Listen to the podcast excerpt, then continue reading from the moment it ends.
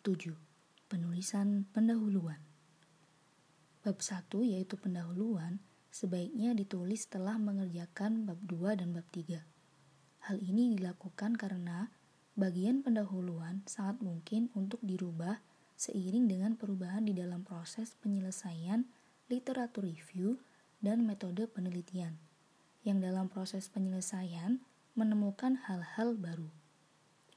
Secara umum, dalam penulisan pendahuluan, ada lima hal pokok yang wajib ada, antara lain 1.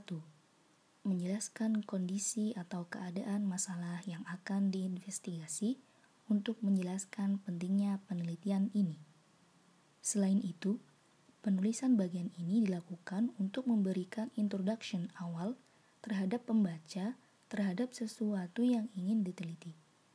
Dalam konteks ini, kita harus berasumsi bahwa pembaca tidak memiliki knowledge terhadap apa yang diteliti. 2. Menjelaskan aspek-aspek atau bagian yang telah diteliti dalam penelitian sebelumnya. Dalam hal ini, direview beberapa penelitian yang memiliki fokus yang sama dan bagaimana secara singkat dijelaskan hasilnya. Secara lebih sederhana, tahap ini menguraikan penelitian-penelitian sebelumnya yang telah melakukan research sebidang. 3. Menjelaskan bagian spesifik dari penelitian terdahulu yang belum dilakukan dan akan diinvestigasi. 4. Menjelaskan tujuan penelitian. 5 menjelaskan justifikasi kenapa melakukan studi ini dan apa kontribusinya.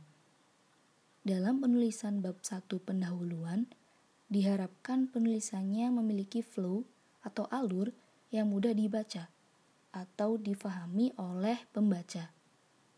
Oleh karena itu, ada beberapa hal penting yang mendasar yang sebaiknya dipahami dan dilakukan. 1 Sebelum memulai menulis, buat dahulu kerangka tulisan atas poin-poin yang ingin disampaikan dalam setiap paragraf. 2. Dalam satu paragraf, sebaiknya hanya ada satu main idea dengan format dasar satu induk kalimat dan ada beberapa anak kalimat. Selesai.